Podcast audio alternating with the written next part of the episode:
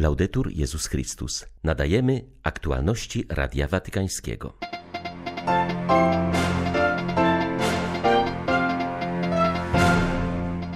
Franciszek odprawił dziś w Bazylice Świętego Piotra mszę z okazji 500.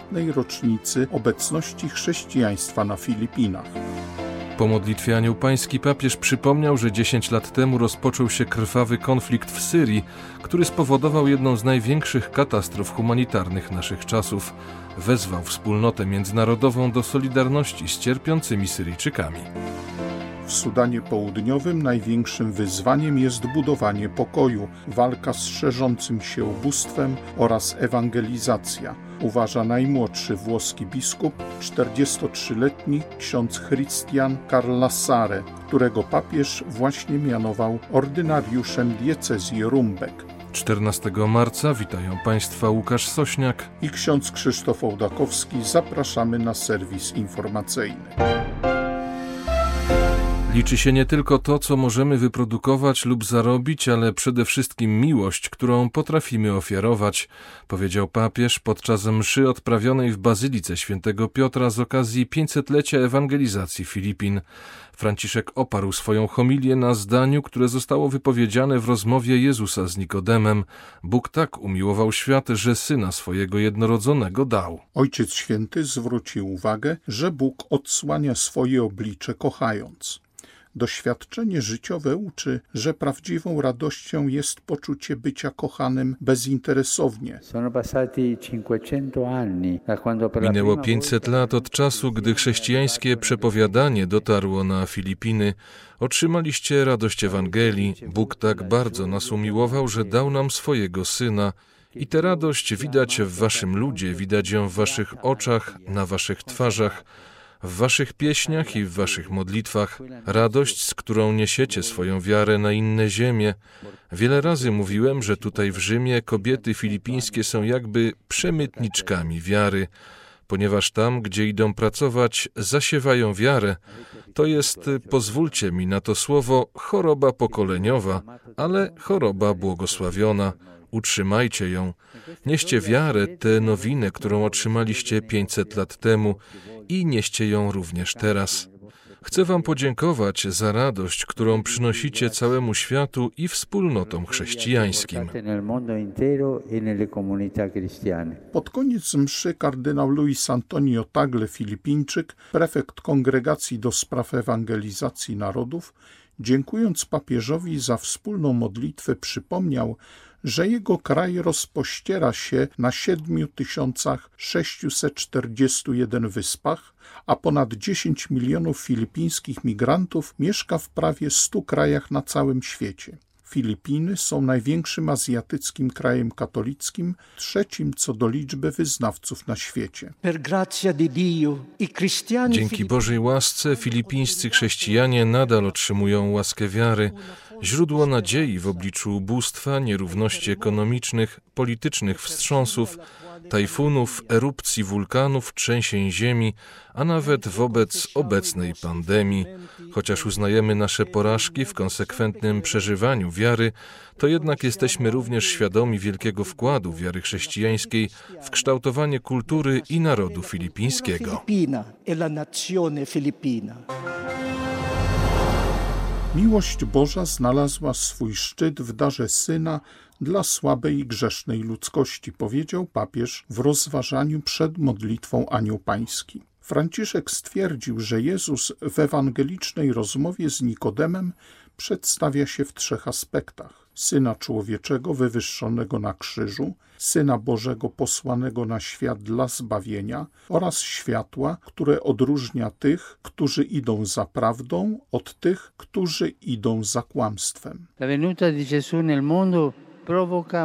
Przyjście Jezusa na świat stawia przed wyborem. Ten, kto wybiera ciemność, stanie przed sądem potępienia, a ten, kto wybiera światło, znajdzie się przed sądem zbawienia. Sąd zawsze jest konsekwencją wolnego wyboru każdego człowieka. Kto popełnia złe czyny, wybiera ciemności, zło zawsze się chowa, ukrywa się. Kto zaś czyni prawdę, to znaczy realizuje dobro, zbliża się do światła, które oświeca drogi życia. Kto chodzi w światłości, kto zbliża się do światłości, ten spełnia dobre czyny. Do realizowania tego z większym zaangażowaniem jesteśmy właśnie wezwani w okresie Wielkiego Postu. Przyjąć światło do naszego sumienia, aby otworzyć serca na nieskończoną miłość Boga, na Jego miłosierdzie pełne czułości i dobroci, na Jego przebaczenie. Nie zapominajcie, że Bóg przebacza zawsze. Jeśli my z pokorą prosimy o przebaczenie, w ten sposób znajdziemy prawdziwą radość i będziemy w stanie cieszyć się z Bożego przebaczenia, które odradza i daje życie. Po modlitwie Anioł Pański papież przypomniał, że 10 lat temu rozpoczął się krwawy konflikt w Syrii który spowodował jedną z największych katastrof humanitarnych naszych czasów. Konflikt pociągnął za sobą niewyobrażalną liczbę zabitych i rannych, miliony uchodźców, tysiące zaginionych, zniszczenia, przemoc wszelkiego rodzaju i ogromne cierpienie całej ludności, a zwłaszcza osób najbardziej bezbronnych, takich jak dzieci, kobiety i osoby starsze. Ojciec Święty po raz kolejny zwrócił się z naglącym wezwaniem do wspólnoty międzynarodowej. Ponawiam swój zbolały apel do stron konfliktu o wykazanie przejawów dobrej woli tak aby dla wyczerpanej ludności zajaśniał promyk nadziei. Mam również nadzieję na odnowienie zdecydowanego, konstruktywnego i solidarnego wsparcia ze strony społeczności międzynarodowej, tak aby po złożeniu broni można było naprawić tkankę społeczną, a także rozpocząć odbudowę i odnowę gospodarczą tego kraju. Módlmy się wszyscy do Pana, aby tak wiele cierpienia w naszej ukochanej i udręczonej Syrii nie zostało zapomniane, a nasza solidarność rozpaliła nadzieję. Ojciec Święty przypomniał, że w najbliższy piątek 19 marca w uroczystość świętego Józefa rozpocznie się rok rodziny Amoris Leticia, szczególny czas wzrastania w miłości rodzinnej zachęcił do odnowionego i twórczego impulsu duszpasterskiego, aby rodzina znalazła się w centrum uwagi Kościoła i społeczeństwa. Zapewnił o modlitwie, aby każda rodzina mogła odczuć w swoim domu żywą obecność świętej rodziny z Nazaretu. W najbliższy wtorek ukaże się nowa książka, wywiad rzeka z papieżem pod tytułem Bóg i przyszły świat. Stanowi ona zapis rozmów, jakie przeprowadził z Ojcem Świętym dziennikarz z włoskiego dziennika La Stampa Domenico Agasso. Franciszek dzieli się w niej swoim duchowym odczytaniem problemów współczesnego świata. Przypomina m.in., że nie można dalej produkować broni zamiast ratować ludzkiego życia. Na pytanie o interpretację obecnego trzęsienia ziemi w postaci pandemii Franciszek odpowiedział, że świat już nigdy nie będzie taki sam. Ten okres próby może więc stać się czasem mądrych i dalekowzrocznych wyborów dla dobra ludzkości. Nie można dłużej akceptować obojętnie nierówności. Droga do ocalenia ludzkości wiedzie przez przemyślenie nowego modelu rozwoju, który za niepodważalne uznaje współistnienie ludów w harmonii ze stworzeniem.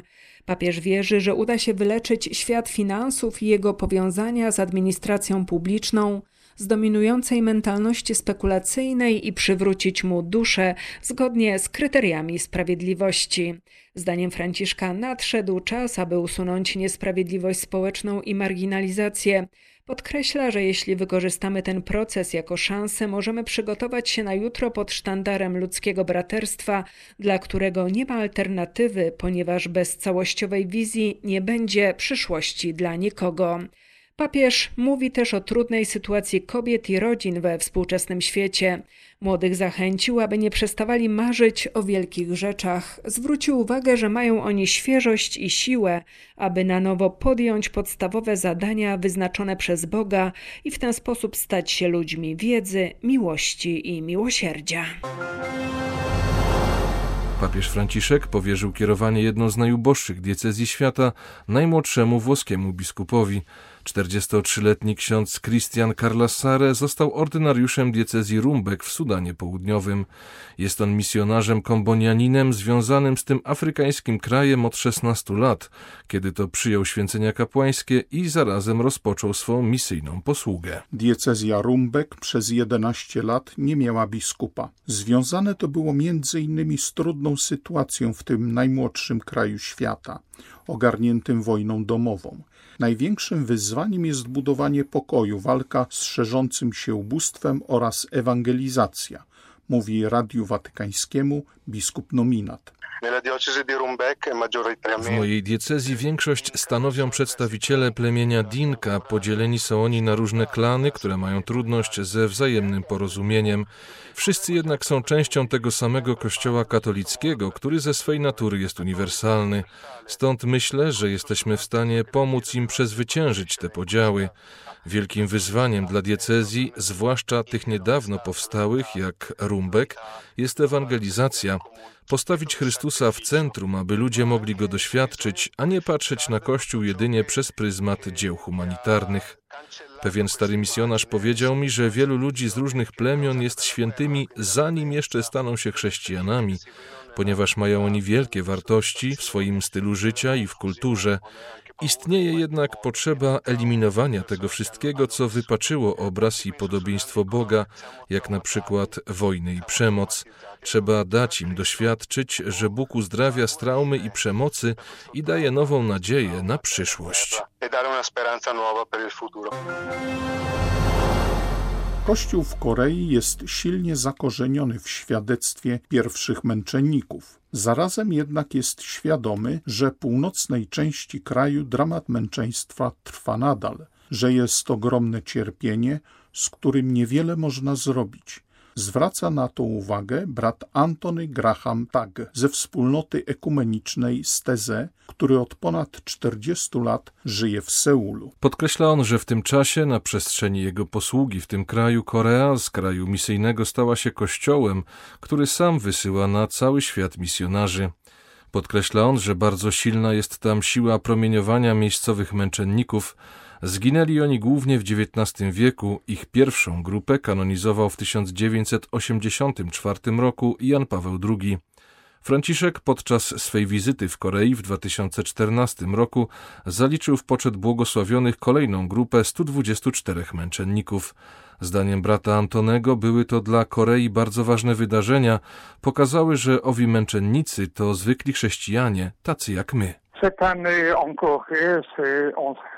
W tym roku Korea przeżywa wielkie święto z powodu dwusetnej rocznicy urodzin świętego Andrzeja Kim Deogon, pierwszego koreańskiego księdza, który zginął męczeńską śmiercią w 1846 roku, zaledwie rok po święceniach kapłańskich. Stoi on na czele świętych męczenników koreańskich. Z tej okazji dzieje się wiele różnych rzeczy. Nasza wspólnota chce pomóc Koreańczykom odkryć ludzkie realia tych pierwszych chrześcijan, abyśmy zobaczyli, że nie tylko oddali życie, ale w jaki sposób żyli przed swym męczeństwem, w jaki sposób urzeczywistniali to, co zrozumieli z Ewangelii. Temu poświęca się zbyt mało uwagi, więcej myślimy o ich śmierci, o torturach, których doświadczyli. Tymczasem ci katolicy mieli wizję społeczną, która była radykalnie nowa. Polegała ona na uznaniu równości między ludźmi. Ci, którzy przyjęli chrzest, a następnie ochrzcili również swoje sługi, znosili zarazem wszelkie różnice klasowe, tworzyli nową wspólnotę i nowe społeczeństwo. To nas dziś interesuje, jak oni żyli Ewangelią.